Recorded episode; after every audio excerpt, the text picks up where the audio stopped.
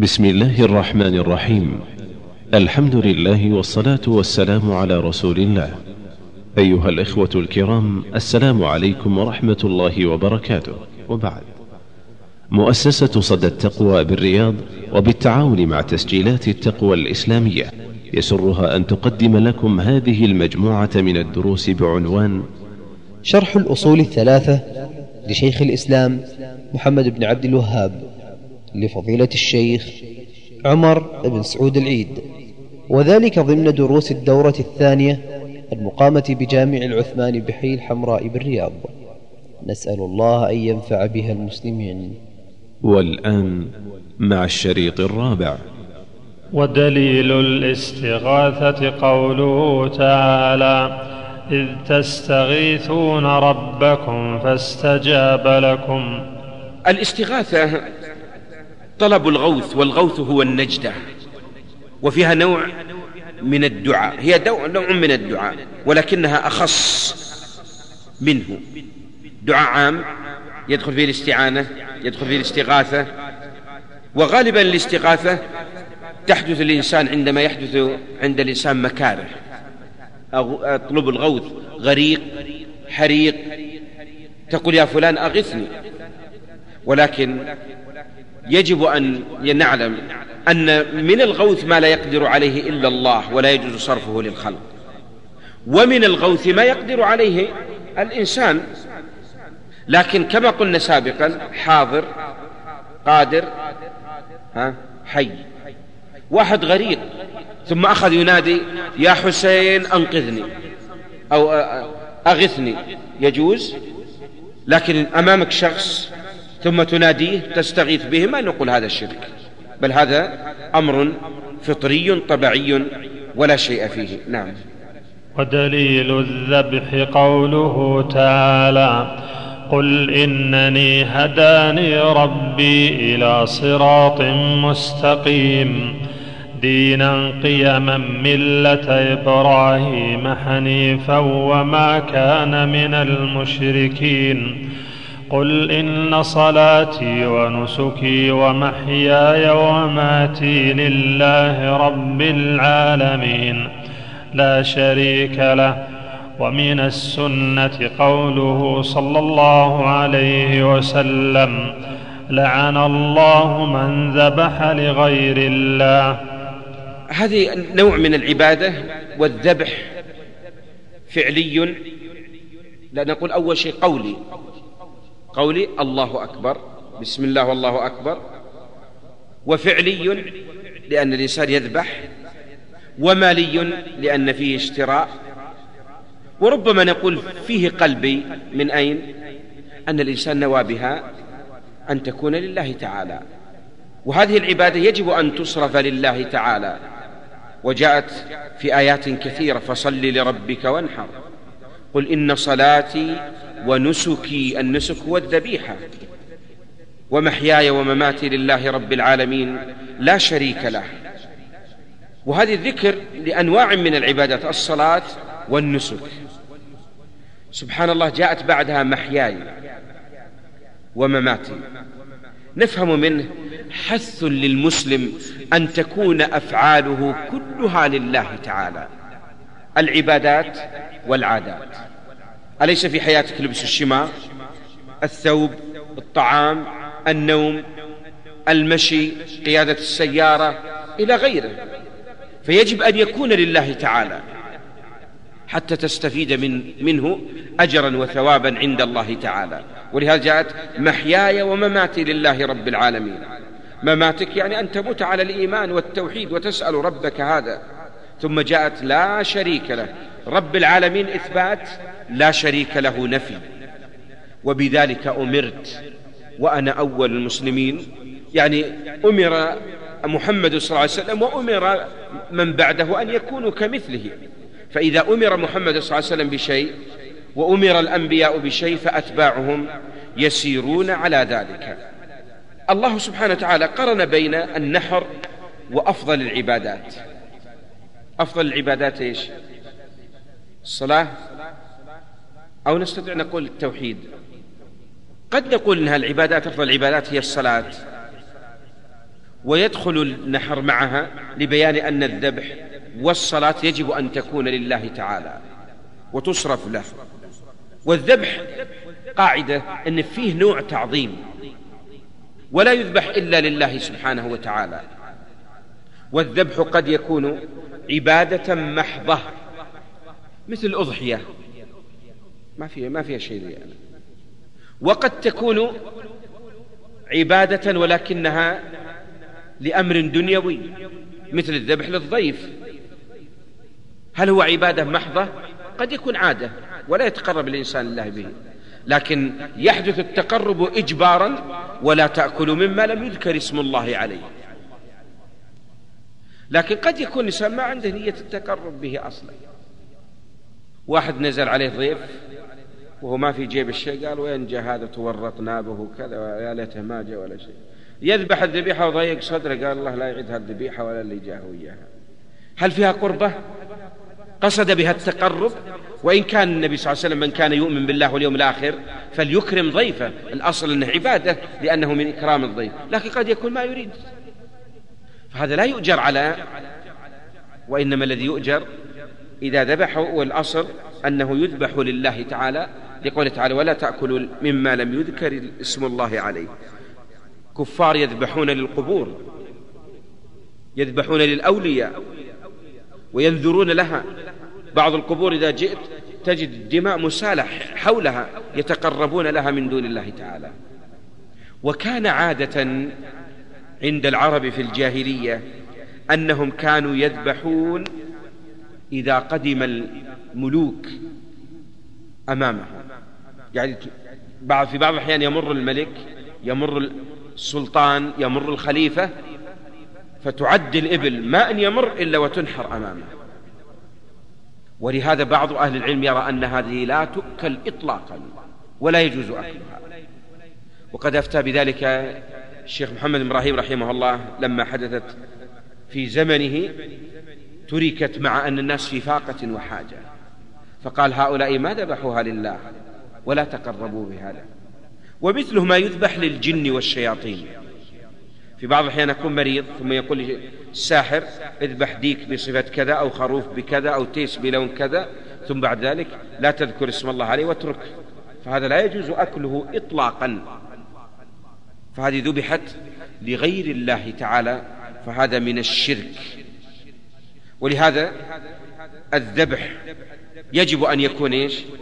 لله تعالى والذبح يجب أن يسمى عليه يذكر اسم الله عليه ولا يجوز أن يذبح إطلاقا. ذكر النبي صلى الله عليه وسلم لعن الله من ذبح لغير الله تعالى.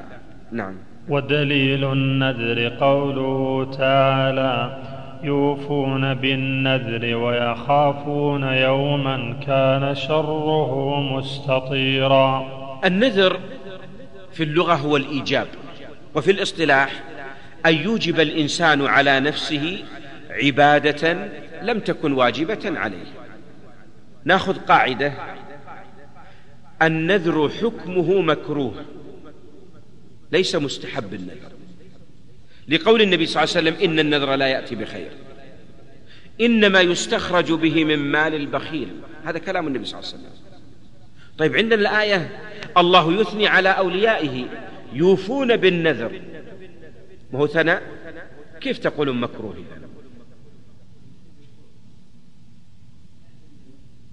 نعم. طيب ألا يقال لهم لا توفون؟ لا تنذرون؟ أعطيكم مثال سبحان الله لتعرفوه. حتى نعرف يوفون بالنذر يعني يسارع مباشرة. الآن عندنا بعض الأحبة يقول يعني جاء للدورة ووالده ما هو مطمئن أنه يروح ولا يجي وكذا. وقال إن كان أبوي وافق لي لين تنتهي الدورة أتصدق بمئة ريال أو بألف ريال بس لله تعالى. لأني حضرت واستفدت في الدورات الموجودة في الرياض لما انتهت الدورة بدأ يتصل على المشايخ والله أنا نذرت بألف ريال ما في كفارة يمين. بعض من الناس يقول إن شاف الله مريضي أذبح شاة وأتقرب أو بعير أتقرب به إلى الله. لما شفى الله مريضه بدأ يتصل ما في غير ذبيحة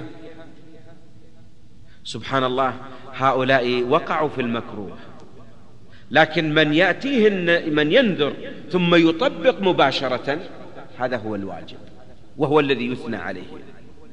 سبحان الله النبي يقول إنما يستخرج به من مال البخيل يعني بعض من الناس لو قلنا له تصدق بخمسة ريال قال لا لكن والله أخوي أمس جاي حادث والله نشوفي أني لا أتصدق بألف ريال طيب قبل خمسة ريال ما هو متصدق لما شفى الله مريضه بدأ ما في كفارة يمين طيب وأنت نادر واحمد الله على العافية وتأتي أمثلته في قضية النذر على وجه العموم طيب النذر قسمه العلماء إلى ثلاثة أقسام.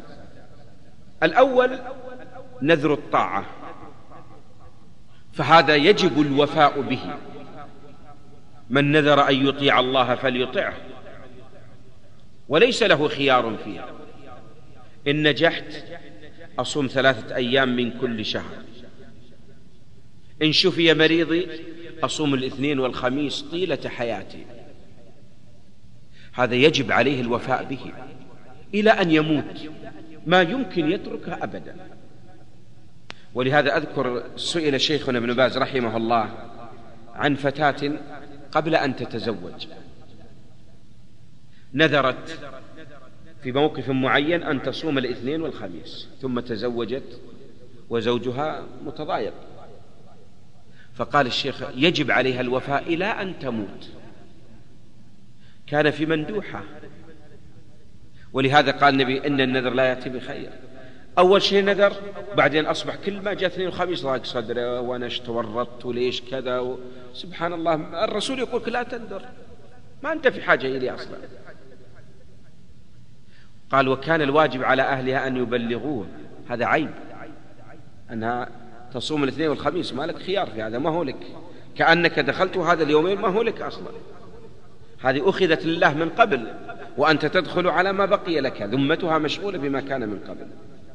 واضح؟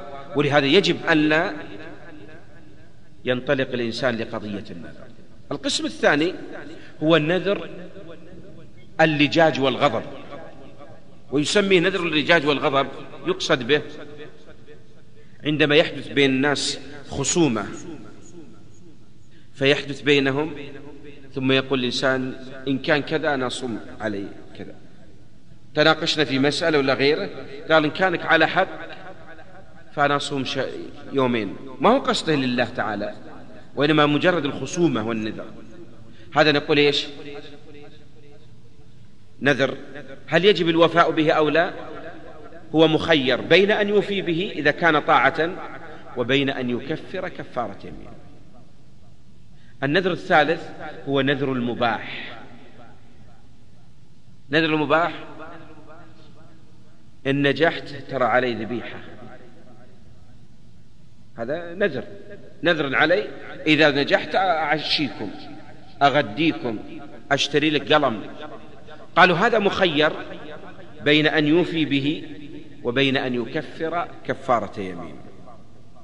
ولهذا النذر يجب أن يكون لله ومن نذر لغير الله تعالى فلا شك بأنه إيش؟ مشرك. ولا يجوز له أن ينذر لغير الله. نعم.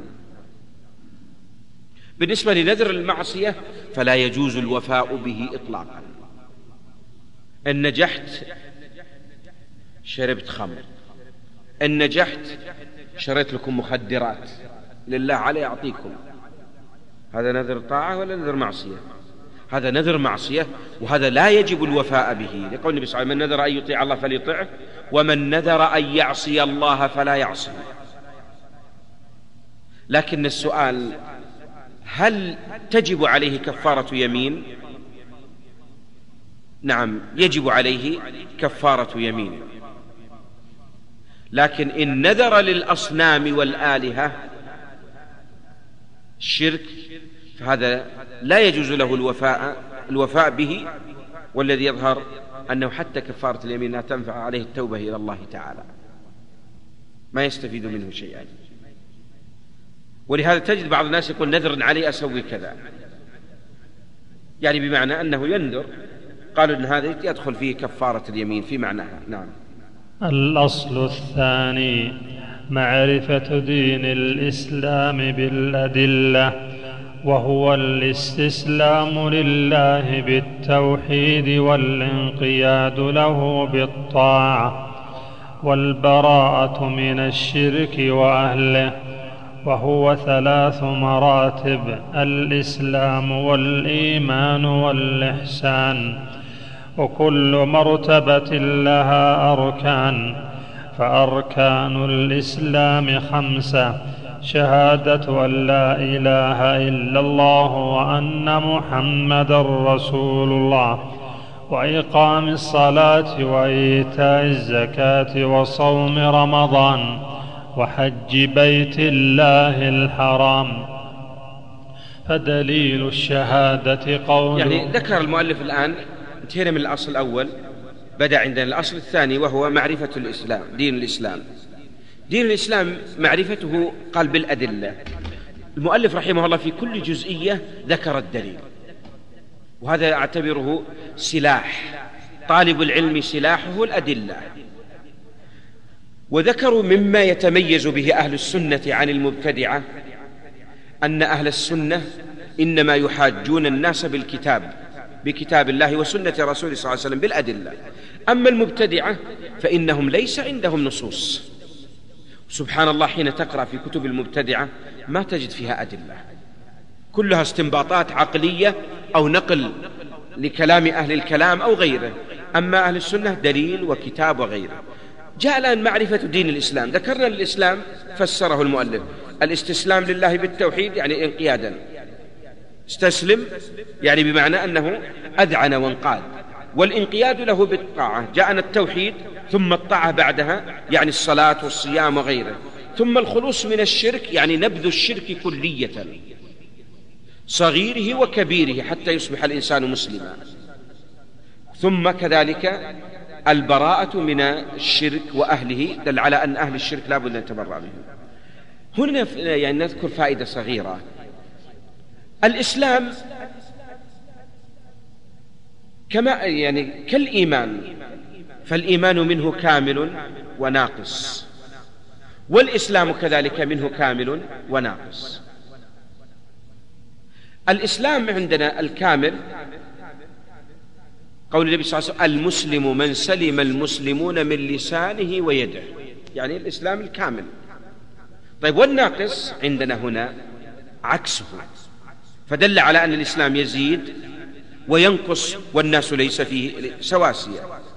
وجاء الدليل على الإسلام أدلة كثيرة. وإلهكم إله واحد فله أسلموا وله أسلم من في السماوات والأرض طوعا وكرها. مما يدل على أن الإسلام جاءت النصوص الشرعية بالأمر به. ويعتبر الإسلام هو دين الله الذي أرسله إلى الرسل كلهم. إن الدين عند الله الإسلام. وذكرنا بالأمس أن الإسلام يطلق إطلاقان إطلاق عام وإطلاقا خاصا. والإسلام الذي ذكره هنا هو الإطلاق الذي جاء به إسلامنا نحن لأنه ذكر أنه بني على خمسة أركان. ليس الإسلام الذي عند الأمم السابقة وفسرها المؤلف رحمه الله تعالى بما جاءنا بالأركان الإسلام الخمسة شهادة لا إله إلا الله وأن محمد رسول الله. الركن هو جزء الماهية.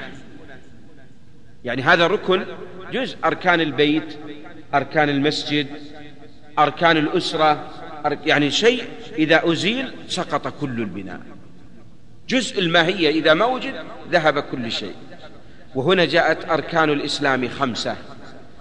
من العلماء من زاد ركنا سادسا وجعل بعضهم الجهاد وبعضهم الأمر بالمعروف والنهي عن المنكر هو ركن من أركان الإسلام الخمسة.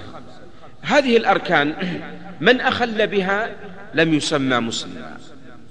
وعلى الخلاف الذي ذكره العلماء رحمهم الله تعالى من ترك الشهادة فإنه لا يسمى مسلما أصلا ما دخل في دائرة الإسلام. لقول النبي صلى الله عليه وسلم أمرت أن أقاتل الناس حتى يقولوا لا إله إلا الله. فليكن أول ما تدعوهم إليه شهادة لا إله إلا الله فإنهم أطاعوه. ثم جعلوا منها الصلاة. حديث أثر ابن عسوم ما كنا نرى شيئا تركه كفر غير الصلاة. ثم جعل الزكاة حديث علي عمر بن الخطاب رضي الله عنه حديث قول أبي بكر الصديق رضي الله عنه والله لو منعوني عناقا كانوا يؤدونها أو عقالا كانوا يؤدونها النبي صلى الله عليه وسلم لقاتلتهم عليه وهذه بقي الصيام والحج هل يعتبر إن كان تركه جاحدا له؟ فلا شك كل الأركان يعتبر كافرا به. أما لو تركه تهاونا وكسلا فتعلمون الخلاف بين أهل العلم في تكفير ذلك. نعم. فدليل الشهادة قوله تعالى شهد الله أنه لا إله إلا هو والملائكة وأولو العلم وأولو العلم قائما بالقسط لا إله إلا هو العزيز الحكيم. ومعناها لا معبود بحق إلا الله وحد النفي من الإثبات لا إله نافيا جميع ما يعبد من دون الله إلا الله مثبتا العبادة لله وحده لا شريك له في عبادته كما أنه ليس له شريك في ملكه وتفسيرها الذي يوضحها قوله تعالى واذ قال إبراهيم لابيه وقومه انني براء مما تعبدون الا الذي فطرني فانه سيهدين وجعلها كلمه باقيه في عقبه لعلهم يرجعون وقوله تعالى قل يا أهل الكتاب تعالوا إلى كلمة تعالوا إلى كلمة سواء بيننا وبينكم ألا نعبد إلا الله ألا نعبد إلا الله ولا نشرك به شيئا ولا يتخذ بعضنا بعضا أربابا من دون الله فإن تولوا فقولوا اشهدوا بأننا مسلمون. ذكر الآن الشهادة الأولى شهادة أن لا إله إلا الله. ما الدليل عليها؟ جاء الدليل عليها عن طريق السمع والوحي وعلى ألسنة الرسل عليهم الصلاة والسلام وفي الكتب السماوية. وجاءت استشهادا مطلقا شهد الله أنه لا إله إلا هو. قال والملائكة وأولو العلم قائما بالقسط. سبحان الله. الله شهد أنه لا إله إلا هو. والملائكة قبل الرسل قد شهدوا. وأولو العلم على مر التاريخ كله كلهم يشهدون أنه لا إله إلا هو. وهذا يعطي أن هذه الشهادة أمر قد اتفق الناس عليه وقد بسط الكلام على هذه الآية ابن القيم رحمه الله تعالى في مدارج السالكين وبين أن هذه الشهادة على أربع مراتب. المرتبة الأولى علم ومعرفة واعتقاد بصحة مشهود به وثبوته. ذكرها نقلها الطحاوي رحمه شارح الطحاوية من عن ابن القيم. فأن تعلم وتعتقد بصحة المشهود به. ما المشهود به؟ لا أنه لا إله إلا هو. الأمر الثاني تكلمه بها. ما هو أمرت أن أقاتل حتى يقولوا وهنا شهد الله أنه لا إله إلا هو والملائكة وأولي العلم كلهم يشهدون ويتكلمون بأنه لا إله. فلا يكفي مجرد العلم بالكلمة دون النطق بها. ولهذا يجب أن يتكلم الناس بهذه الكلمة. وجعلت أفضل ما قلت أنا والنبيون من قبل لا إله إلا الله. ما يوجد أفضل منها. المرتبة الثالثة الإخبار والإعلام. الإخبار والإعلام والبيان لهذه الكلمة. يعني علم أولا ثم تكلم ثم أخبر وبين وضحها للناس. الأمر الرابع الإلزام بها والقضاء بمضمون هذه الشهادة. ما هو الرسول صلى الله عليه وسلم كان يقاتل الناس ويلزمهم بها؟ أمرت أن أقاتل الناس حتى يقولوا لا إله إلا الله. قال النبي صلى الله عليه وسلم لمعاذ وليكن أول ما تدعوهم إليه شهادة أن لا إله إلا الله فإنهم أطاعوك. يعني امتثلوا وانقادوا. وهذا جاءت وقضى ربك ألا تعبدوا إلا إياه وبالوالدين إحسانا. ولهذا ينبغي أن نعلم أن الله رفع منازل العلماء حيث شهدوا على أعظم مشهود وأعظم أمر يشهد به. فرفع الله منازلهم بذلك ولهذا ينبغي أن يرتفع أن العلماء بالخشية بما في قلوبهم. ثم أورد لنا المؤلف رحمه الله تعالى بالنسبة لهذه الآية شهد الله أنه لا إله إلا هو. معنى هذه الآية أو معنى لا إله إلا الله لا معبود بحق إلا الله يعني لا يستحق أن يعبد أحد غير الله. أهل الكلام والصوفية يقولون معناها لا خالق إلا الله لا مخترع إلا الله. هذا القول باطل. ولو كان هذا هو معناها لما قاتل الرسول صلى الله عليه وسلم لما اعترضت قريش على محمد صلى الله عليه وسلم ولئن سألتهم من خلق السماوات والأرض ليقولن الله. ما كانوا يقولون هذه. بل قالوا للنبي صلى الله عليه وسلم أجعل الآلهة إلها واحدا؟ إن هذا لشيء عجاب. يعني أنه المستحق للعبودية واحد وإلا فإن الخالق يعترفون ثم أورد دليلا عليه ما يوضح هذه الشهادة قول إبراهيم. أليس أوحى إلينا أن اتبع إبراهيم ملة إبراهيم حنيفا؟ إن إبراهيم كان أمة قانتا لله حنيفا ولم يكن من المشركين؟ كان من أعظم الناس تفسيرا للتوحيد عليه الصلاة والسلام حيث قال الله عنه وإذ قال إبراهيم لأبيه وقومه إنني براء مما تعبدون هذا نفي. إلا الذي فطرني فإنه لا إله براء إن إلا الذي فطرني إلا الله. يعني طبقها وفسرها فإنه سيهدين. ثم قال وجعلها كلمة باقية في عقبه يعني هذا هو التوحيد الذي يجب أن يتبعه الناس. في هذه الآية جعلها كلمة باقية في عقبه. عقب إبراهيم من؟ أليس العرب؟ كان كفار قريش يقول نحن على ملة إبراهيم.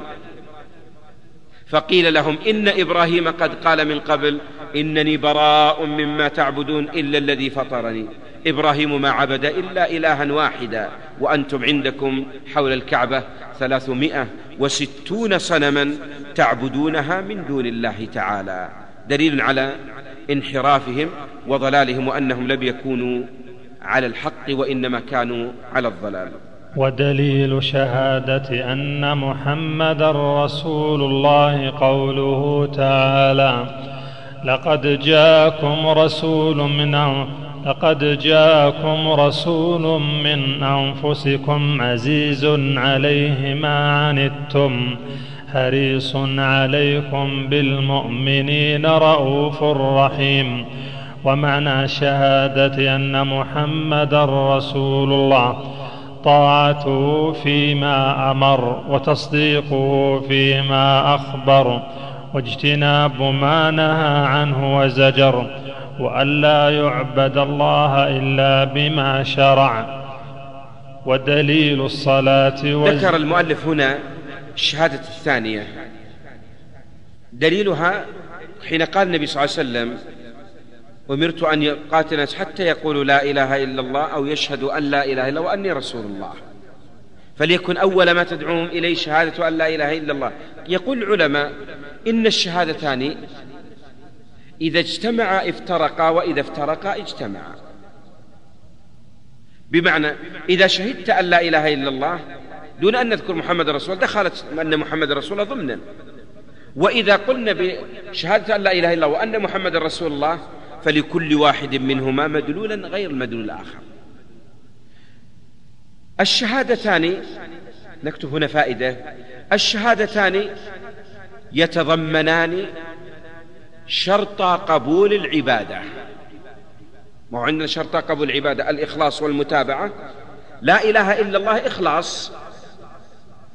محمد رسول الله متابعة.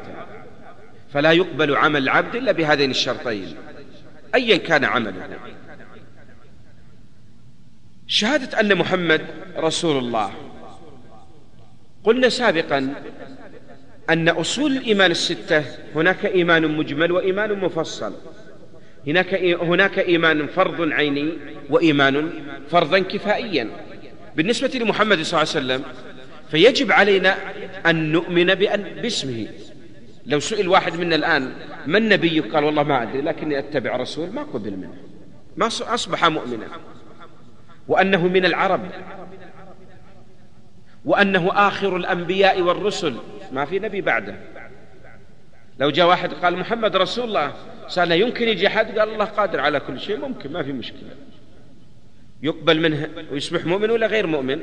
غير مؤمن لأن الله قد أخبر أنه خاتم النبيين.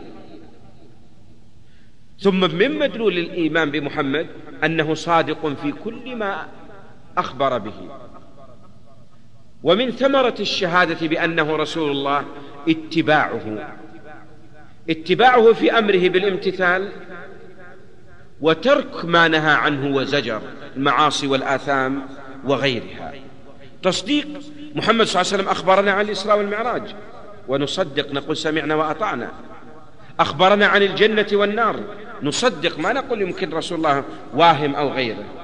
ولهذا قال بعض الصحابة لما رأوا عبد الله بن عمرو بن العاص يكتب عن النبي صلى الله عليه وسلم كل شيء لا تكتب عن رسول الله. فإن الرسول يتكلم في الغضب وفي الرضا. فسأل عبد الله بن عمر عمرو رسول الله قال اكتب فوالذي نفسي بيده لا أقول إلا حقا. اكتب كل شيء تسمعه. إذا هذا نصدق النبي صلى الله عليه وسلم في كل ما أخبر. جاءت الآية لقد جاءكم رسول من أنفسكم. هذه الآية فيها إظهار منة الله تعالى على خلقه ببعث الرسل. الرسل نعمة من الله تعالى على العباد. لأنه لو ترك الناس لعقولهم ما يستطيعون التوصل إلى كل شيء. لا يستطيعون لمعرفة دقائق الخير ولا دقائق الشر ولا تفاصيل العبادة ولا كيف يعبدون الله على بصيرة ولا ما يتعلق بالذات الإلهية ولا ما يتعلق بأسماء الله وصفاته وغيره. ما تستطيع بعقلك. فجاءت الرسل هم الم... لقد جاءكم رسول من أنفسكم.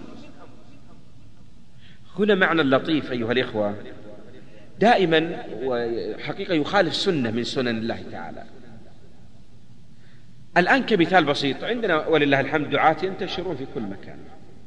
وتجد أصحاب المناطق يحبون يتصلون بالدعاة من بعيد ويأتون بهم تسأله طيب ليه ما تحرك الدعوة عندك؟ قال يا أخي ما يجتمع الناس له. والغريب له رغبة أكثر. ترى هذا خلاف سنة الله. ما بعث الله نبي إلا في قومه ما جاء أحد من بعيد. ترى. سنة كونية. ما بعث الله نبي إلا في قومه. ما يأتي لهم بنبي من بعيد ثم يدعوهم أبدا. إيش العلة؟ هنا الله امتن علينا لقد جاءكم رسول من أنفسكم. ما جاء شيء من بعيد. تعرفون نسبه؟ وتعرفون أصله؟ وتعرفون نشأته؟ وتعرفون حياته وأخباره؟ ما كان محمد يسمى بالأمين ويسمى بالصادق وتربى عندهم يتيما ويعرفون أخلاقه كلية.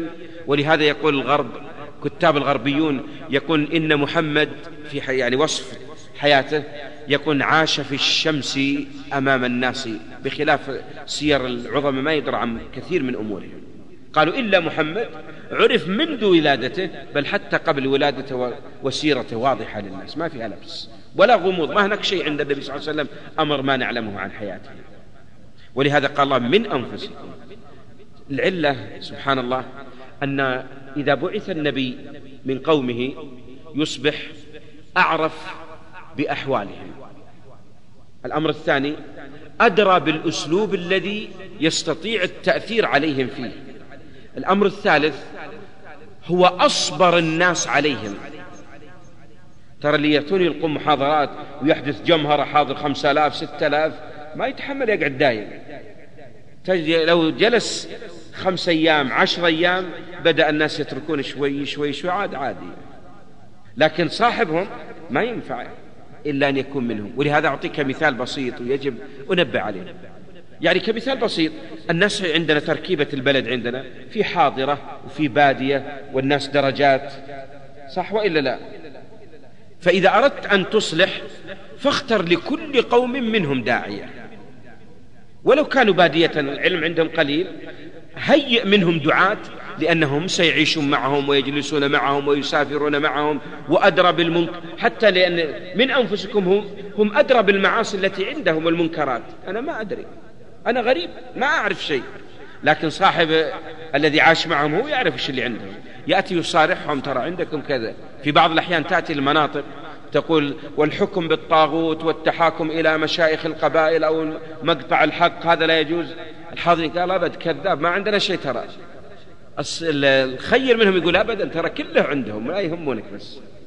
إذا هو يستطيع العلاج. أنا إذا قالوا ما عندنا ما أقول كذابين أنتم عندكم هو أدرى. ولهذا امتن الله رسول من أنفسكم. ثم قال عزيز عليه ما عنتم حريص عليكم صلى الله عليه وسلم. شوف حرص النبي صلى الله عليه وسلم بالمؤمنين رؤوف رحيم. حرصه على هدايتهم على قبولهم للحق وأمثلة حرص النبي كثير جدا.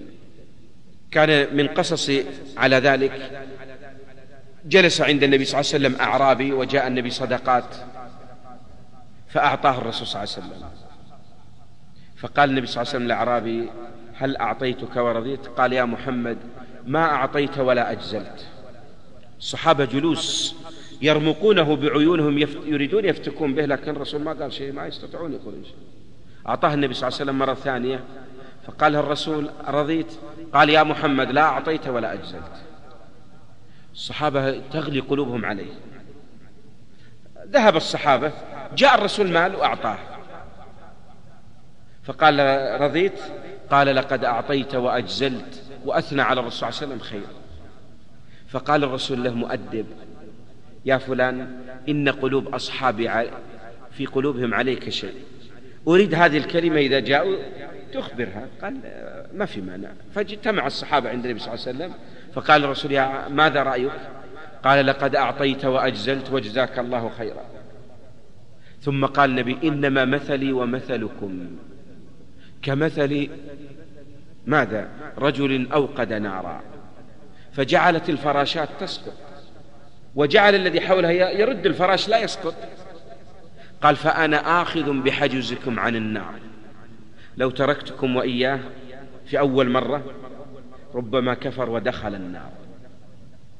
شوف الرسول صلى الله عليه وسلم تحمل ما قاله للرسول وما تكلم عليه وما جرح نفسه به. ليه؟ يريد له الجنة. وهذه جاءت حريص عليكم. حريص. ثم قال بالمؤمنين رؤوف رحيم. ورحمة النبي صلى الله عليه وسلم عظيمة جدا. قال والله لو كان عندي مثل أحد ذهبا ما أحببت أن يبقى عندي ليلتين ومنه دينار واحد ودرهم.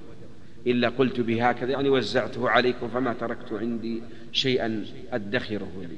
والأمثلة على ذلك كثيرة جدا. ذكر عاد المعنى هذا كنا نحفظه.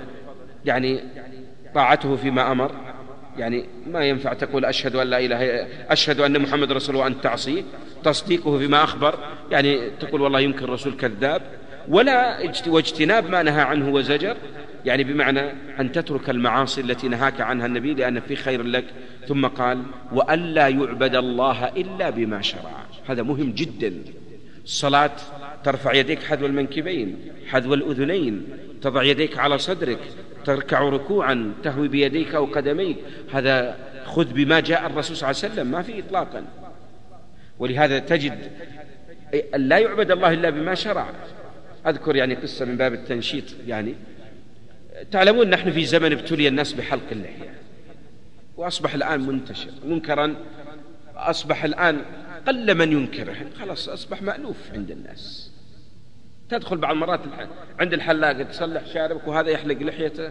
أنا جالس الله يهدينا وياه ماشي ما أنكرت عليه ولا شيء فكان يعني ابتلي حتى الآن وجد عندنا من طلاب كلية الشريعة من يحلقون ومن المدرسين في كلية الشريعة والأصول الدين وغيره. يعني في العلوم الشرعية من يحلق لحيته. فكان شخص مرض وكان تخصص الشرعي. كان ما له لحية حالق للحيته فأصيب بمرض وجاء لطبيب سبحان الله مسلم ملتزم خير. الله رزقه لحية طويلة ما شاء بعض الناس يزيده الله بسطة. وسبحان الله رأيت رجل من آيات الله قبل يمكن ثلاثة أشهر إذا جلس للتشهد لحيته تصل إلى فخذه. والله إني وقفت بس أتأمل. سبحان الذي أعطاه. كرامة وعز عند الناس يرونها لكن سبحان الله لها هيبة وأثر. فهذا الطبيب لما أنام الشيخ اللي ماله لحية على السرير وجلس حضع السماعة جلس يشوف صدره وكذا نزلت اللحية شوي عليه. فالشيخ قال له يعني لو خففتها شوي لحية كبيرة يعني ضخمة فقال هذا الطبيب هذا أنا ما عندي تخصص شرعي أنت شيخ وتفتي أسألك سؤال واحد بس. الرسول صلى الله عليه وسلم لحيته مثلي ولا مثلك؟ بس ما أقول لك حلال ولا حرام لا تقول شيء. هذا سكت. قال لا والله لحية الرسول مثلك. قال جزاك الله خير لا تقول لي قصص ولا ما تقصص. ما دمت على هدي النبي ألا يعبد إلا بما شرع. هذا نوع من العبادة. نحن وضعنا اللحية عبادة ما وضعناها زينة. يعني ترى الذين تجده ياخذ يمين يسار وزبرق هذه زينة ما هي لحية عبادة. لحية العبادة أن تجعلها كما كان النبي صلى الله عليه وسلم. لقد كان لكم في رسول الله أسوة حسنة فألا يعبد النبي إلا بما شرع. عاد الحكم هذا صلاة صيام زكاة حج. خلاص خذوا عني مناسككم صلوا كما رأيتموني أصلي. ودليل الصلاة والزكاة وتفسير التوحيد قوله تعالى وما امروا الا ليعبدوا الله مخلصين له الدين حنفاء حنفاء ويقيموا الصلاه ويؤتوا الزكاه وذلك دين القيمه. ودليل الصيام قوله تعالى يا ايها الذين امنوا كتب عليكم الصيام كتب عليكم الصيام كما كتب على الذين من قبلكم لعلكم تتقون. ودليل الحج قوله تعالى ولله على الناس حج البيت من استطاع إليه سبيلا. ومن كفر فإن الله غني عن العالمين. ذكر الآن أركان الإسلام البقية. الصلاة في اللغة هي الدعاء. وفي الشرع أقوال وأفعال مفتتحة بالتكبير مختتمة بالتسليم. والزكاة في اللغة هي النماء والزيادة. والزكاة هي الطهر. يزكيهم ويطهرهم بها. وتعتبر الزكاة حق مالي بحت. يعني متعلقة بالمال. ولها شروط لمن ملك نصابا وهي في مال معلوم وفي شهر معلوم تدفع. وبالنسبة للصيام الصيام في اللغة الإمساك وفي الاصطلاح الإمساك عن الطعام والشراب والمفطرات سائر اليوم. وقد نقول من طلوع الفجر إلى غروب الشمس وتأتي عاد الشروط المتعلقة بها والحج في اللغة القصد ويقصد به قصد بيت الله تعالى لأداء العبادة نقول طواف وسعي وحلق وإذا أضفنا إليها ما يتعلق بالحج على وجه العموم كانت إلى السعي والحلق فهي عمرة وإن زد في أوقات مخصوصة في أماكن مخصوصة من شخص مخصوص. الأوقات هي أشهر الحج والأماكن هي مكة وعرفة والمزدلفة وغيره من شخص مخصوص وهو يقصد به المؤمن. ذكر لكل نص لكل ركن دليل. فيصبح لك مستندا. وتصبح الآن. وما أمروا إلا ليعبدوا الله مخلصين له الدين. حنفاء. ثم جاءت هذا التوحيد كله. قاعدة. كأنه هذه العبادات لا تصح إلا بالتوحيد. ويقيم الصلاة. ويؤتوا الزكاة. وذلك دين القيمة. الحج عندنا يا أيها الذين آمنوا كتب على الصيام. كتب عليكم الصيام. الزكاة إنما الصدقات للفقراء وفي أموالهم حق معلوم للسائل والمحروم. وبالنسبة للحج ولله على الناس حج البيت من استطاع إليه سبيلا ومن كفر فإن الله غني عن العالمين. كان اليهود يقول نحن مسلمين من المسلمين. فأنزل الله ولله على الناس حج البيت. قالوا نحن لا نحج. قال الله حكم الله عليه ومن كفر فإن الله غني عن العالمين. إذا أنتم لستم بمسلمين لأنكم لم تحجوا بيت الله تعالى. نقف على هذه السيرة. بسم الله الرحمن الرحيم.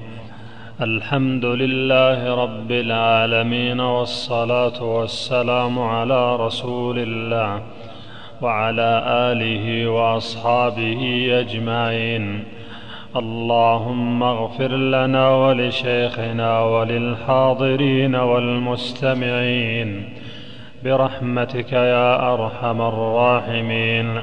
أما بعد قال المؤلف رحمه الله تعالى المرتبة الثانية الإيمان وهو بضع وسبعون شعبة فأعلاها قول لا إله إلا الله وأدناها إماطة الأذى عن الطريق والحياء شعبة من الإيمان وأركانه ستة أن تؤمن بالله وملائكته وكتبه ورسله واليوم الآخر وتؤمن بالقدر خيره وشره والدليل على هذه الأركان الستة قوله تعالى ليس البر أن تولوا وجوهكم قبل المشرق والمغرب ولكن البر من آمن بالله واليوم الآخر والملائكة والكتاب والنبيين ودليل القدر قوله تعالى إنا كل شيء خلقناه بقدر. بسم الله والصلاة والسلام على رسول الله وعلى آله وصحبه أجمعين. ذكر المؤلف رحمه الله تعالى مراتب الدين. ومراتب الدين ثلاثة الإسلام والإيمان والإحسان. وكل مرتبة أعلى من من الأخرى. فالإسلام يشترك فيه كل من نطق بلا إله إلا الله. والإيمان أعلى مرتبة من الإسلام. والإحسان هو أعلاها فالإسلام هو الأمور الظاهرة والإيمان هو الأمور الباطنة. فالإسلام الصلاة ظاهر والزكاة والصيام والحج وقول لا إله إلا الله يسمعها كل أحد هذا شيء ظاهر. وأما الإيمان فهو قلبي لا يعلم به أحد. أن تؤمن بالله وملائكته وكتبه ورسله واليوم الآخر وبالقدر خيره وشره هذا أمر باطن وإن كان له آثار على من آمن بها. لكن المقصود بها بذاتها فهي أمر باطن لأنها اعتقادات يؤمن بها الإنسان ويقر بها ويعترف. ذكر المؤلف المرتبة الثانية وهي الإيمان. الإيمان في اللغة قيل إنه هو التصديق والصحيح أنه هو الإقرار. واختلف في أصل اشتقاقه. هل هو من التصديق أم من الأمن؟ والأمن شيء نفسي قلبي. ولهذا جاء في قوله تعالى الذين آمنوا ولم يلبسوا إيمانهم بظلم أولئك لهم الأمن وهم مهتدون. ولكن الذي يظهر أن الإيمان هو الإقرار. قالوا لأن الإقرار يأخذ معنى التصديق وزيادة. وأما في الاصطلاح فإنه اعتقاد أو نقول قول باللسان واعتقاد بالجنان يعني بالقلب وعمل بالجوارح والأركان يزيد بالطاعة وينقص بالعصيان. حين نقول الإيمان اعتقاد بالقلب يعني أن القلب له أقوال وأعمال. القلب نفسه له قول وعمل. قالوا قوله النية وعمله المحبة والخوف والتوكل. والناس في أعمال القلوب درجات ليسوا سواسية. فأعمال القلوب وعبادات القلوب قد تكون في قلوبنا ولكنها ولكن الناس فيها على درجات ليسوا على درجة واحدة. وذكر المؤلف من قبل التوكل والرجاء والمحبة كلها تسمى هذه عبادات قلبية وهي أعمال لهذه القلوب. الأمر الثاني عندنا وهو نطق باللسان يعني أن تقول لا إله إلا الله. أمرت أن أقاتل الناس حتى يقولوا لا إله إلا الله. والثالث عندنا وهي أعمال الجوارح. وأعمال الجوارح الصلاة الجهاد طلب العلم. وتأتي أعمال الجوارح متنوعة الركوع السجود الطواف السعي. كل هذه جزء من الإيمان. وأعمال الجوارح داخلة في مسمى الإيمان. ودليل ذلك قوله تعالى وما كان الله ليضيع إيمانكم. ويقصد بالإيمان هنا الصلاة. وما كان الله ليضيع يعني صلاتكم. فقد قال الصحابة رضي الله عنهم وأرضاهم لما رأوا إخوانهم صلوا إلى بيت المقدس ومنهم من مات وهو مصلي إلى بيت المقدس. فنسخت الصلاة. فحول الناس إلى الكعبة. فقال الصحابة كيف بإخواننا الذين ماتوا وهم يصلون إلى بيت المقدس؟ فالآن لو صلينا إلى بيت المقدس صلاتنا صحيحة أم باطلة؟ باطلة. فأنزل الله وما كان الله ليضيع إيمانكم. ويشهد له حديث وفد عبد القيس كما في الصحيح. جينا نسألك عن الإيمان. أتدرون ما الإيمان؟ أخبار النبي صلى الله عليه وسلم. أتدرون ما الإيمان؟ فإذا بالرسول صلى الله عليه وسلم يفسر لهم الإيمان بالأعمال. تشهد أن لا إله إلا الله وأن محمد رسول ثم قال وتقيم الصلاة مع أن الصلاة إسلام. ولكن النبي أدخل الصلاة في مسمى الإيمان. يوجد طوائف من المرجئة تقول الأعمال ليست داخلة في مسمى الإيمان أصلا وليست من الإيمان. وهنا اختلف ال...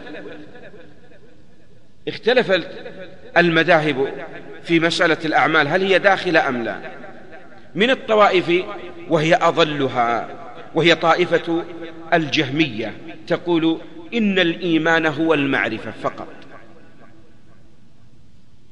وبناء على قولهم فرعون مؤمن.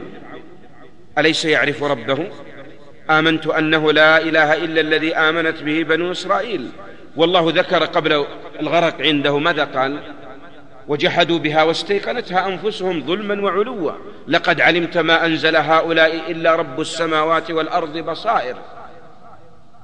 فهل نفعه ذلك الإيمان؟ لا. وإبليس مؤمن. أليس قال لربه مخاطبا رب بما أغويتني؟ ربي اعترف بربه لكن هل هو مؤمن؟ لا وليس يطلق عليه.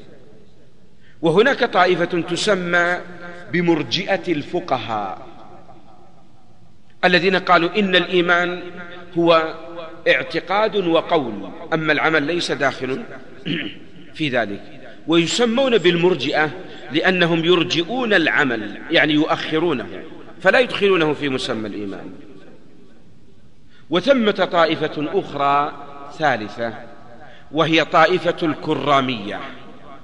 قالوا إن الإيمان هو مجرد نطق اللسان وقولهم باطل ويلزم عليه أن المنافقين من المؤمنين.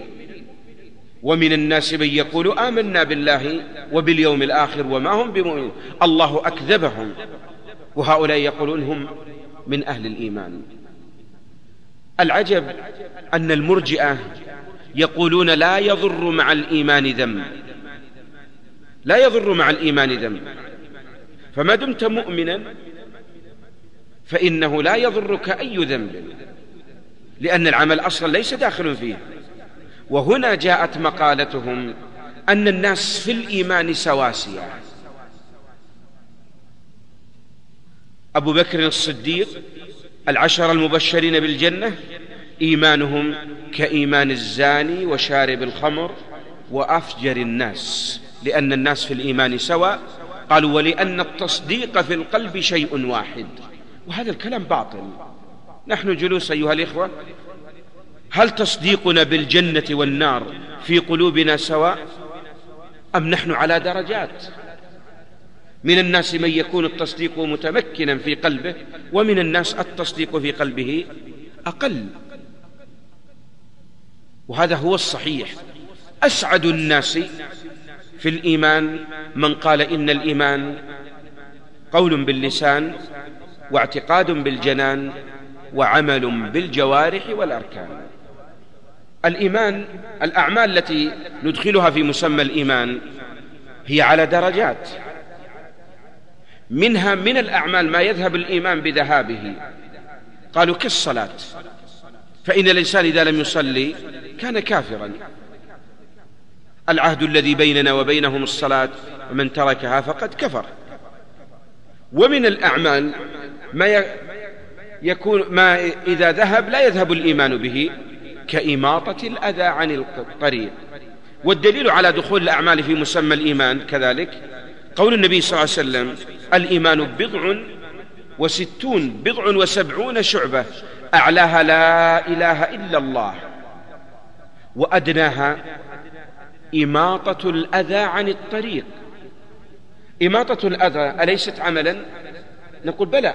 والرسول جعل الإيمان متنوع الشعب والعمل داخلا فيه. فمن الأعمال ما يقرب من لا إله إلا الله ويرتفع كالصلاة ومن الأعمال ما يقرب من إماطة الأذى عن الطريق. فدل على أن العمل جزء من الإيمان. ولا نقول كما قالت المرجئة فأكثر ما استطعت من الخطايا إذا كان القدوم على كريم ويبطل مقالتهم هذه كذلك أن الله كفر الذين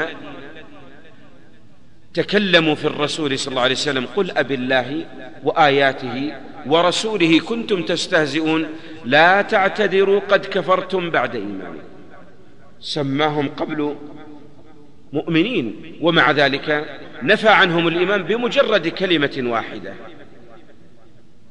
فكيف يقال لا يضر مع الإيمان ذنب؟ ولا شك بأن هذا من الجهل ومن الخطأ. ذكر المؤلف رحمه الله تعالى أن الإيمان على مراتب أو أن الإيمان مبني على أركان وأركان هذه الإيمان هذه الإيمان هي الستة التي اشتهرت عندنا. في قول النبي صلى الله عليه وسلم الإيمان بضع وستون الشعبة يعني معناها جزء أو قطعة وكأن الإيمان يعني شكل كامل ثم تجزئه فيصبح كل جزئية تسمى إيمان. إماطة الأذى عن الطريق إيمان. والنبي صلى الله عليه وسلم قال والحياء شعبة من الإيمان. والحياء شعبة من الإيمان. في قول النبي صلى الله عليه وسلم بضع وستون على اختلاف الروايات وبضع سبعون البضع في اللغة يطلق على العدد من ثلاثة قيل إلى عشرة ومنهم من يقول يطلق على البضع من ثلاثة إلى تسعة. يعني بضع وسبعون بضع وستون يعني ممكن نقول يمكن سبعة وستين ثمانية وستين تسعة وستين. الأمر سهل وإنما قصد النبي صلى الله عليه وسلم أنه أنواع متعددة أنواع متعددة. ولهذا ألف الإمام البيهقي رحمه الله كتابه العظيم الكبير شعب الإيمان وأخذ كل شعبة وجاء بالأدلة عليها بناء على هذا الحديث. في قول النبي صلى الله عليه وسلم أعلاها لا إله إلا الله. لماذا جعل أعلاها لا إله إلا الله؟ لأنه التوحيد. والتوحيد لا يوجد شيء من الأعمال أعلى منه ولا أفضل. من التوحيد. ولأن الإنسان لن يدخل الإيمان إلا بلا إله إلا الله أصلا. فلا يمكن أن نطلق عليه مؤمن حتى يقول لا إله إلا الله. أدناها إماطة الأذى عن الطريق يعني أنها من أقل هذه الأعمال. وجعل النبي صلى الله عليه وسلم الحياء شعبة من الإيمان. الحياء خلق أو نقول عمل باطن يعني ما هو عمل ظاهر وإن كان له آثار. يحدو الإنسان إلى فعل ما يزينه وترك ما يشينه. الآن لو قلنا للشباب يعني الجو حر إيش رأيكم تفسخون الثياب تعلقونها هنا ويجلس واحد فنيله وسروال يمكن؟ ها. فعل محرم؟ لا. لكن الحياء يمنع. ولهذا قال النبي صلى الله عليه وسلم ما أدركت من كلام الأم نبوة سابقة. إذا لم تستحي فاصنع ما شئت. يعني كمثال الذي دخن أمام الناس ما عنده حياء الذي يغازل أمام الناس ما عنده حياء أصلا الذي يكشف عورته ليس عنده حياء وتصبح أنواع متعددة. يعني التي تزيل حياء الإنسان وربما نقول فعل المعاصي والفجور هو عدم حياء من الله تعالى. ولقد رآك في صحيح البخاري رأى أحد الصحابة رضي الله عنه رآه النبي صلى الله عليه وسلم ينصح أخاه عن الحياء. فقال النبي صلى الله عليه وسلم دعه فإن الحياء شعبة من الإيمان. يعني بعض من الناس حيي كريم. حي. ما يستطيع اطلاقا أن يفعل افعالا مشينة ابدا. لا يرفع صوت ودائما غاض الطرف ولا يضحك بملء فيه ولا يسخر ولا يست... عنده حياء تعجب كيف ركب الحياء فيه ما تأتي تقول يا أخي اترك عنك الحياء هذا ليس خلق. لا نقول لكن الحياء الذي يمنع من الطاعة ويمنع من الأمر بالمعروف والنهي عن المنكر ويمنع من النصيحة ويمنع من الدعوة. هذا خور ليس حياء. شخص رأى إخوانه على معاصي تقول ليه ما تنصحهم؟ أخوانك. إيش يقول؟ قال والله استحي هذا ما هو حياء. هذا خور وضعف. ولهذا لا يجوز للإنسان أن يستحي في قول الحق. ولذلك جاءت قول الله تعالى إن الله لا يستحي أن يضرب مثل ما بعوض. وجاء الحياء الممدوح فجاءت إحداهما على استحياء. هذا خلق طيب. والمرأة إذا نزع منها الحياء سبحان الله لا تصبح امرأة وإنما تصبح ممسوخة. يعني الآن في بعض الأحيان تدخل الأسواق بعض النساء رجلة في مشيتها وفي كلامها وفي خطابها. هذا خلق ذميم تتعجب كيف تعيش مع زوجها. لكن الحياء لا يأتي يقول النبي صلى الله عليه وسلم إلا بخير. في قول النبي صلى الله عليه وسلم يعني في قول المؤلف رحمه الله أركانه ستة. يعني هذه هي أركان الإيمان. ولا يصح إيمان عبد حتى يأتي بها. نكتب تعليق صغير هنا. نقول الإيمان بالأركان الستة متلازم. إذا آمنت بواحد وجب عليك أن تؤمن بالأركان كلها. وإذا كذبت بواحد فأنت مكذب بالجميع. يعني لو جاءنا شخص قال أنا أريد أن أؤمن بالله لكن الملائكة ما أشوفها ولا أن أنظر إليها أريحني منها ما له حاجة. نقول لست بمؤمن. ولهذا جاءت الآن الآية ومن يكفر بالله وملائكته وكتبه ورسله واليوم الآخر فقد ضل ضلالا بعيدا. دل على أن هؤلاء ليسوا بمؤمنين.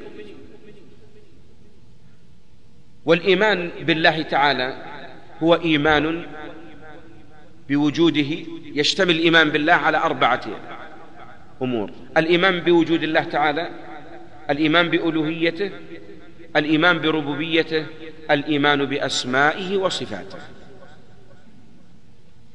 لا يكون الإنسان مؤمنا حتى يأتي بهذه الأمور الأربعة وكل منها يعني هذه الأمور الأربع تحتاج إلى تفصيل لسنا بصدد الحديث عنه. الإيمان بملائكته أن تؤمن بالله وملائكته. الملائكة أمر غيبي. يعني ليس أمرا مشاهدا. هل رأى أحد منكم الملائكة؟ لا. والإيمان بالملائكة نحن نؤمن أنهم قد وجدوا في هذه الحياة أو أنهم موجودون في الحياة. ونؤمن بأن الله خلقهم وأنهم أحياء. ونؤمن كذلك بأن الله جعل لهم أجنحة. ونؤمن بأن لهم صفات يتميزون بها. وصفات الملائكة عجيبة. يكونون معنا ولا نراهم. قد ثبت في الصحيح إن لله ملائكة سيرا يبحثون عن حلق العلم. حتى إذا وجدوها نادت الملائكة بعضها بعضا هلموا إلى بغيتكم فتجتمع حتى تبلغ السماء. هي تكون ولكننا لا نشاهدها. وصدق النبي صلى الله عليه وسلم لما قال ما اجتمع قوم في بيت من بيوت الله يتدارسون كتاب الله بينهم إلا حفتهم الملائكة. وكذلك الله أعطاهم القدرة على التشكل. فجبريل في حديث عمر الذي أخذنا منه أصول الإيمان الستة جاء على صورة رجل شديد بياض الثياب شديد سواد الشعر لا يعرفه منا أحد ولا يرى عليه أثر السفر وأخذ يسأل النبي أسئلة ويصدق. وفي النهاية يقول النبي لما سأل عن أشراط ما المسؤول عنها بأعلم من السائل؟ جاء على ويأتي على صورة دحية الكلبي رضي الله عنه وأرضاه. وقد يأتي على صورة رجل مجهول ما يعرفه الناس. ومن صفاتهم كذلك أنهم يصعدون وينزلون يتعاقبون فيكم ملائكة. ومن صفاتهم أن الله أعطاهم من الخلق الأمر العظيم. جبريل رآه النبي صلى الله عليه وسلم له ستمائة جناح. ما بين جناح وجناح يسد ما بين الخافقين بحيث لا ترى شيئا. وقد ثبت كذلك عن النبي صلى الله عليه وسلم بسند صحيح أنه قال أذن لي أن أحدثكم عن ملك من الملائكة. في بعض الألفاظ من حملة العرش. ما بين شحمة أذنه إلى عاتقه مسيرة سبعمائة عام. هذا خلق عظيم ومع ذلك لا يعصون الله ما أمرهم ويفعلون ما يؤمرون. وإذا تكلم الله بالوحي أخذت السماوات رجفة وصعقت الملائكة خوفا من ربها. وصفاتهم متعددة. هذا العالم أخبرنا النبي صلى الله عليه وسلم أنه خلق من نور وخلقت الجن من النار وخلق الإنسان من طين. ولهذا قيل عن الملائكة عليهم الصلاة والسلام أنهم أجسام نورانية. ثم يأتي أن عاد تفصيل كما ذكر الإمام ابن القيم رحمه الله تعالى في هؤلاء الملائكة عليهم الصلاة والسلام أن الله خلقها لطاعته وجعل لها نوع من الوظائف خاصة بها. وأنهم لا يعصون الله ما أمرهم ويفعلون ما يؤمرون. عندنا قاعدة قلتها لكم أظن. الإيمان بأصول الإيمان الستة ينقسم إلى قسمين إيمان مجمل وإيمان مفصل. الإيمان المجمل فرض عين حكمه والإيمان المفصل فرضا كفائيا. يعني يجب أن يوجد في الأمة من يؤمن به. بتفصيل أخبار الملائكة أقسام الملائكة صفات الملائكة وظائف الملائكة عليهم الصلاة والسلام. هذا يجب أن يوجد في الأمة لأن المدار عليه لأن المدار فيه على نصوص الكتاب ونصوص السنة. ثم الإيمان بالرسل عليهم الصلاة والسلام. تؤمن بالله وملائكته لا نأخذ الإيمان بالكتب الثالث. الكتب السماوية أنزلها الله تعالى على رسله. وليس كل نبي له كتاب. ليس كل نبي له كتاب. لكن قد نستوحي أن كل رسول له كتاب. أليس قلنا في تعريف الرسول أنه من يأتي بشرع جديد ولم يتبع شريعة من قبله؟ فالذي يأتي بشرع جديد سينزل عليه كتاب يبين له الأحكام فيه ويبقى لأمته تستفيد منه. أما النبي فإنه يتبع شريعة من قبله وشريعة من قبله قد أبقيت في كتبها السماوية. وجاء نقول آمنا بالله وما أنزل إلينا وما أنزل إلى إبراهيم وإسماعيل وإسحاق ويعقوب أنزل. والقرآن منزل حاميم تنزيل الكتاب من الله العز ولهذا أصبحت الكتب السماوية من عند الله سبحانه وتعالى. هذه الكتب السماوية لها فائدة عظيمة للناس. أولا الكتب السماوية تصبح مرجعا للناس على مر التاريخ. فإن الأنبياء لا يخلدون وإنما يموتون. فالناس يرجعون إلى الكتب. نحن الآن كم بيننا وبين محمد صلى الله عليه وسلم؟ وإذا بنا أصبح المرجع عندنا هو القرآن. الأمر الثاني أن الكتب السماوية سطر الله فيها أخبار الأمم السابقة وما أراد سبحانه وتعالى أن يعلم خلقه بتفاصيله. يعني ما أراد الله أن يعلم به خلقه من تفاصيل وش يكون؟ في الكتب. قصص الأمم السابقة موجودة. صفات الرب في هذا الكتاب. وتصبح تلك الكتب هي أصدق شيء أو كلام على وجه الأرض. ومن أصدق من الله قيلا ومن أصدق من الله حديثا. الأمر الثالث أن الكتب السماوية فيها تفصيل ما يحتاجه الناس. نحن جلوس نحن نعرف أن النار خطرة وأن الصدق طيب وأن الكذب ضار لكن دقائق الخير وتفاصيل الباطل ودقائق ما ينفعنا في الدنيا والآخرة وتفاصيله ما نستطيع أن تصل العقول لأن الناس العقول تختلف. في من الناس الآن من زمن يقول الربا يجب أن ينتشر لأنه الآن أصبح ضرورة على العالم فلا مانع أن يأخذ الناس به وتغير الزمن على ما كان عليه من قبل. تأتي الكتب السماوية تحرم ذلك كلية.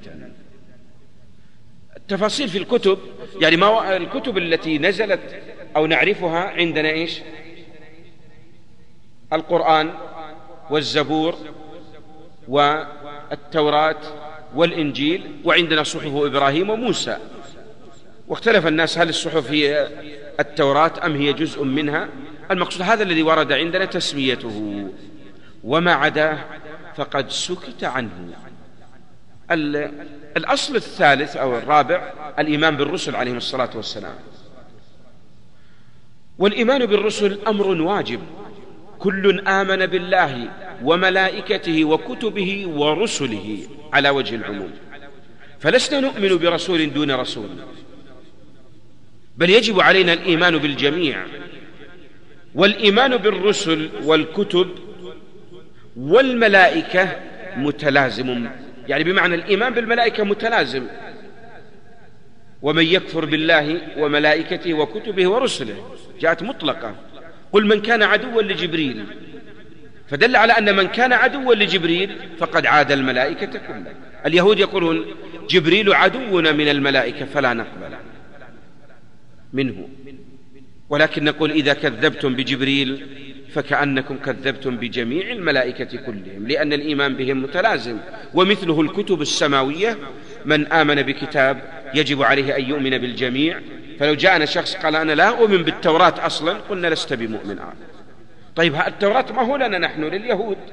نقول ومع ذلك جاء كتاب ربنا به وبالإخبار به فنحن نقول آمنا به. كل آمن بالله وملائكته وكتبه جاءت بصيغة الجمع وكذلك الرسل. والدليل على قضية الرسل كذبت قوم نوح المرسلين مع أنهم ما كذبوا إلا نوح عليه الصلاة والسلام ومع ذلك حكم الله عليهم بأنهم قد كذبوا بالرسل جميعا. الرسول قلنا الخلاف فيه من أوحي إليه بالشرع ولم يؤمر وأمر بالتبليغ والرسول قلنا أنه من أتى بشرع جديد. الرسل عددهم مئة وأربع وعشرين ألف الأنبياء عددهم مئة وأربع وعشرين ألف نبي والرسل ثلاثمائة وبضعة عشر رسولا.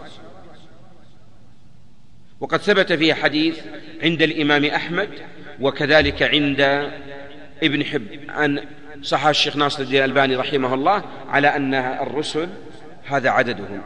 ومن العلماء من قال أصلا عدد الرسل لا يعلم ولكن هذا بناء على ظاهر القرآن. منهم من قصصنا عليك ومنهم من لم نقصص. ولكن الصحيح ما دام ثبت العدد نقول سمعنا وأطعنا. أفضل هؤلاء الرسل أولو العزم منهم. نوح وإبراهيم وموسى وعيسى ومحمد صلى الله عليه وسلم. وذكر في القرآن خمسة, خمسة وعشرين فقط منهم. على الخلاف في العدد والأمر الأمر سهل في قضية العدد. المقصود كل ما ثبت وجاء النص به نقول سمعنا وأطعنا ولا نقول هذا نبي أو ليس بنبي أصلا. أفضلهم على الإطلاق الخليلان. كأن نقول بالترتيب بالنسبة للأنبياء والرسل الأنبياء ثم الرسل ثم أولو العزم ثم الخليلان ثم محمد صلى الله عليه وسلم. هذه في الترتيب خمسة في الترتيب الأنبياء ثم الرسل ثم أولو العزم ثم الخليلان ثم محمد صلى الله عليه وسلم. الإيمان بالرسل عليهم الصلاة والسلام يكون بمدلول عام أنهم صادقون أنهم بلغوا البلاغ الكامل أنه يجب علينا الإيمان بهم عليهم الصلاة والسلام أنهم تركوا أقوامهم على البيضة ليلها كنهارها يعني ما أخفوا أنهم لم يخفوا شيئا أبدا من الوحي ولا من الشرع حتى تؤمن بهم. بعدها ذكر واليوم الآخر. عندنا اليوم الآخر هو يوم القيامة. ويوم البعث ويوم يقوم الناس لرب العالمين. وتأتي أسماؤه متعددة. وسبحان الله ألفاظ التي أطلقت على اليوم الآخر ضخمة جدا بحروفها. الطامة الصاخة القارعة الحاقة حروفها مفخمة كلها لعظم هولها. ولهذا يعي... الإنسان يعيش في ثلاث دور. الحياة الدنيا الحياة البرزخية الحياة الأخروية. ويدخل في اليوم الآخر ما يتعلق بالحياة البرزخية. ولهذا يقال من مات قامت قيامته. تفاصيل اليوم الآخر طويلة جدا في أحداثها لكنها تبدأ من أول نزول الموت على العبد. خلاص انتهى من الحياة الدنيا كلية. وينقطع عمله كلية فما يبقى له حق أن يأتي بحسنة ولا يستطيع أن يفعل شيئا من السيئات لأنه قد إذا مات ابن آدم انقطع عمله. يعني هذا انقطع عمله الصالح وربما لا ينقطع عمله السيء إذا سن في الإسلام سنة سيئة. أو خلف وراءه ما يعصى الله به وكان هو راض به. وبالقدر خيره وشره. يفهم منه أن القدر ينقسم إلى قسمين خير وشر أو حلو ومر.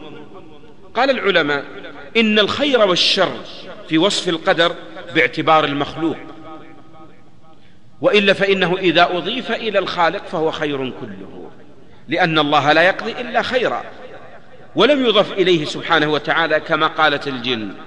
وأنا لا ندري أشر أريد بمن في الأرض. لم أم أراد بهم ربهم رشدا. لما جاء إضافة الشر لم يضيفه إلى الرب مباشرة وإنما إيش؟ أضيف إلى غير الله والخير أضيف إلى الله مباشرة. هنا قاعدة في القضاء والقدر نكتبها صغيرة. الله سبحانه وتعالى لا يخلق شرا محضا. الشر محض ما يمكن يخلقه الله أبدا. طيب إبليس كثير من الناس يقول لك يا أخي إبليس هو رأس الشر كله لو مات ارتاح الناس كله نقول في خلقه حكم. ترى لولا إبليس ما وجد الأمر بالمعروف والنهي عن المنكر. لو لم يكن إبليس ما وجد الجهاد في سبيله تجاهد من إذا؟ لولا وجود إبليس ما وجد التفاضل بين الخلق. في الإيمان والصلاح والاستقامة والتقوى. ولهذا إبليس يشتغل على الناس ويصبح الناس درجات. أليس هذا واقع؟ ثم تأتي الأمثلة عليه. بسط الكلام على ذلك ابن القيم رحمه الله بشيء من التفصيل في الحكمة من خلق إبليس. في مفتاح دار السعادة وفي كتابه العظيم شفاء العليل في القضاء والقدر. وتكلم عليه الشيخ الإسلام رحمه الله في الفتاوى ببسط حتى لا يظن الناس أن الله يخلق شرا محضا. ولهذا قد يقول الإنسان إيش الحكمة من الذبان ومن البعوض ومن الجراثيم ومن السباع ومن غيره؟ الله خلقها لحل لعلة وحكمة لكن قد يظهر لنا وما لا يظهر لنا أعظم وأعظم. الإيمان بالقضاء والقدر لا بد أن يشتمل على مراتبه الأربعة. وترتيب هذه المراتب علم وكتابة وإرادة ومشيئة وخلق وإيجاد. وكل مرتبة لا بد لها من نص قد دلت النصوص الشرعية عليها. ويمكن الرجوع إلى تفاصيلها بمعانيها وأدلتها. بالنسبة للعلم يتعلق بخمسة أشياء سريعا. علم الله تعالى بالأمر الأزلي وعلم الله تعالى بالأمر الحاضر وعلم الله تعالى بالأمر المستقبلي وعلم الله تعالى بما لم يكن لو كان كيف يكون وعلم الله تعالى المتعلق بالأمر المشاهد. جاءت أحسب الناس أن يتركوا أن يقولوا آمنا وهم لا يفتنون ولقد فتنا الذين من قبلهم فليعلمن الله. الله عالم أصلا قبل أن يحدث الفتنة. لكن أريد العلم المشاهد الذي شاهده الخلق. الكتابة تتعلق بخمسة أمور. كتابة الأزلية أول ما خلق الله القلم قال اكتب. الثاني الكتابة عندما خلق الله آدم مسح ظهره فأخرج نسم بنيه وجعلهم قسمين فريق في الجنة وفريق في السعير. الثالث الكتابة العمرية. يجمع أحدكم في بطن أمه. أربعين أربعين أربعين ثم يرسل إليه ملك. فيكتب رزقه وأجله وشقي هو أم سعيد هذه كتابة. الكتابة التي تكون في العام أو تسمى الحولية. في ماذا؟ في ليلة القدر فيها يفرق كل أمر حكيم أمرا من عندنا. الخامس الكتابة اليومية كل يوم هو في شأن سبحانه وتعالى. الإرادة والمشيئة تنقسم إلى قسمين إرادة كونية قدرية وإرادة دينية شرعية. فمن يريد الله أن يهديه يشرح صدره للإسلام. والإرادة الدينية الشرعية إنما يريد الله ليذهب عنكم الرجس أهل البيت. هذه إرادة دينية شرعية. والخلق الله خالق كل شيء. الله خلقني وخلق فعلي وما يخرج عن خلق الله تعالى شيء أبدا. أهل الس... إذا أردت أن تعرف القضاء والقدر عند أهل السنة والجماعة فلا بد أن يشتمل التعريف على المراتب الأربعة. القضاء والقدر هل هما لفظان مترادفان اختلف الناس على ثلاثة أقوال. قيل إنهما لا فرق بينهما وقيل إن القدر ما كتب في الأزل والقضاء هو ما يقع الآن في الناس. فتقول هذا صدمت سيارتك؟ نعم نقول هذا بقضاء الله. لكن لو سئلت أين قدر الله؟ أقول ما, ما أدري عنه لأنه ما وقع. وقيل العكس أن القضاء ما كان في الأزل والقدر هو ما يقع. ودليل القدر إنا كل شيء خلقناه بقدر. وجاءت الأدلة عليه ما تسقط من ورقة إلا يعلمها ولا حبة في ظلمات الأرض ولا رطب ولا يبس إلا في كتاب. وجاءت إلا في كتاب من قبل أن نبرأها يعني من قبل أن توجد هذه الأمور. الناس في القدر خلافهم على قولين وإن كانت هناك أقوال أخرى جبرية تقول الإنسان هو الخالق الإنسان مجبور على فعله وليس له تدبير أبدا وهو كالريشة في مهب الريح والطائفة الأخرى تقابلها على الضد. القدرية المعتزلة تقول الله خلق الإنسان والإنسان هو الخالق لفعله. وإنما قالوا هذا بناء على مذهبهم الباطل أن أفعال العباد خارجة عن ملك الله تعالى وتدبيره. قالوا ولو قلنا الله يخلق الإنسان ويخلق فعله ثم عاقبه لكان ظالما والله موصوف بالعدل. ولكنهم قالوا وقعوا في شر مما فروا منه وسموا سميت القدرية مجوس هذه الأمة. مجوس هذه الأمة يعني بأن معنى أنهم أثبتوا للكون إلهين. ذكر الأدلة على ذلك. في تنبيه لطيف فقط يعني وأظني ذكرته لكم. العلماء يقولون القدر في أصله ينقسم إلى قسمين قضاء وقدر جبري بحت. يعني ما لك خيار فيه؟ طولك قصرك طول لحيتك لونك بلدك نسبك ما أنت اللي اخترته. يعني لو سئل أي واحد لماذا أنت تميمي ولا لماذا أنت قحطاني ولماذا أنت من قبيلة كذا ولماذا أنت من بلد كذا؟ ما لي خيار أصلا. ما أنت اللي استشرت قبل تختار ماذا؟ وإلا لو سئل الإنسان قال والله ودي أكون من أهل مكة على اعتبار الصلاح ما هو على اعتبار الواقع. وأريد أن أكون ولد الرسول صلى الله عليه وسلم ما أبغى أحد أعظم منه وإن كان يعني بعض الجهلة قد يقول لا والله نسب يزين من الرسول نسب الرسول هذا خطير جدا. فإن الله اختار محمدا خيارا من خيار. إن الله اصطفى إسماعيل ثم اصطفى من إسماعيل كذلك جاءت كنانة ثم بدأ التدرج في الاصطفاء إلى أن قال واصطفاني من بني هاشم فهو خيار من خيار. وأشرف العرب نسبا قريش وأشرف قريش هم بنو هاشم. آل بيت النبي صلى الله عليه وسلم ولا يوجد أحد أشرف.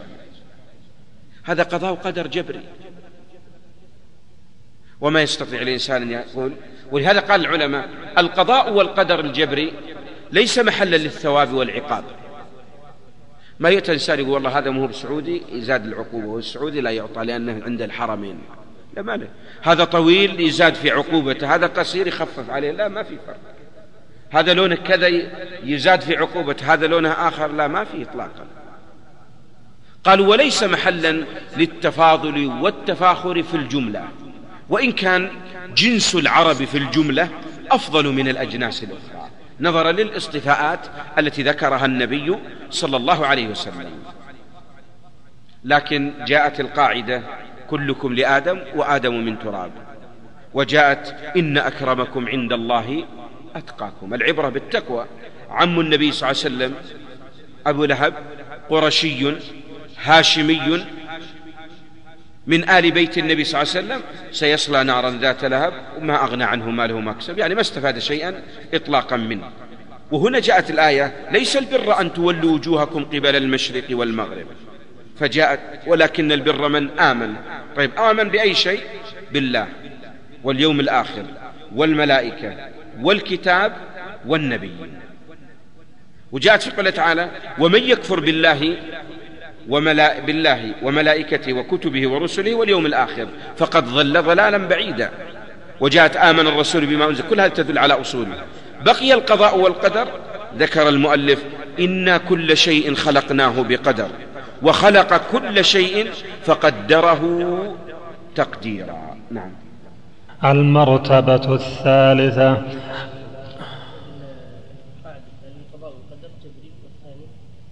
اختياري يختار الإنسان فيه. لباسك صلاتك صيامك قراءتك للقرآن جلوسك مع هؤلاء ولا هؤلاء مختار. ولذلك الناس يمشوا في طريق. يمين تسجيلات إسلامية ويسار تسجيلات زمر وطرب. كل واحد له حر. قد علم كل أناس مشربهم. ما يأتي الإنسان يقول والله أنا قايم اليوم وأشعر أني مجبور لابد أشرب خمر ما أقدر والله أني مقهور ولا بروح أزني. ما يمكن أبدا. تفاصيل القدر طويلة صلى الله عليه وسلم نعم. شكر الله لفضيلة الشيخ على ما قدم وجعله في موازين حسناته وإلى اللقاء مع شريط آخر. وتقبلوا تحيات إخوانكم في مؤسسة صدى التقوى للإنتاج بالرياض وتسجيلات التقوى الإسلامية. والسلام عليكم ورحمة الله وبركاته.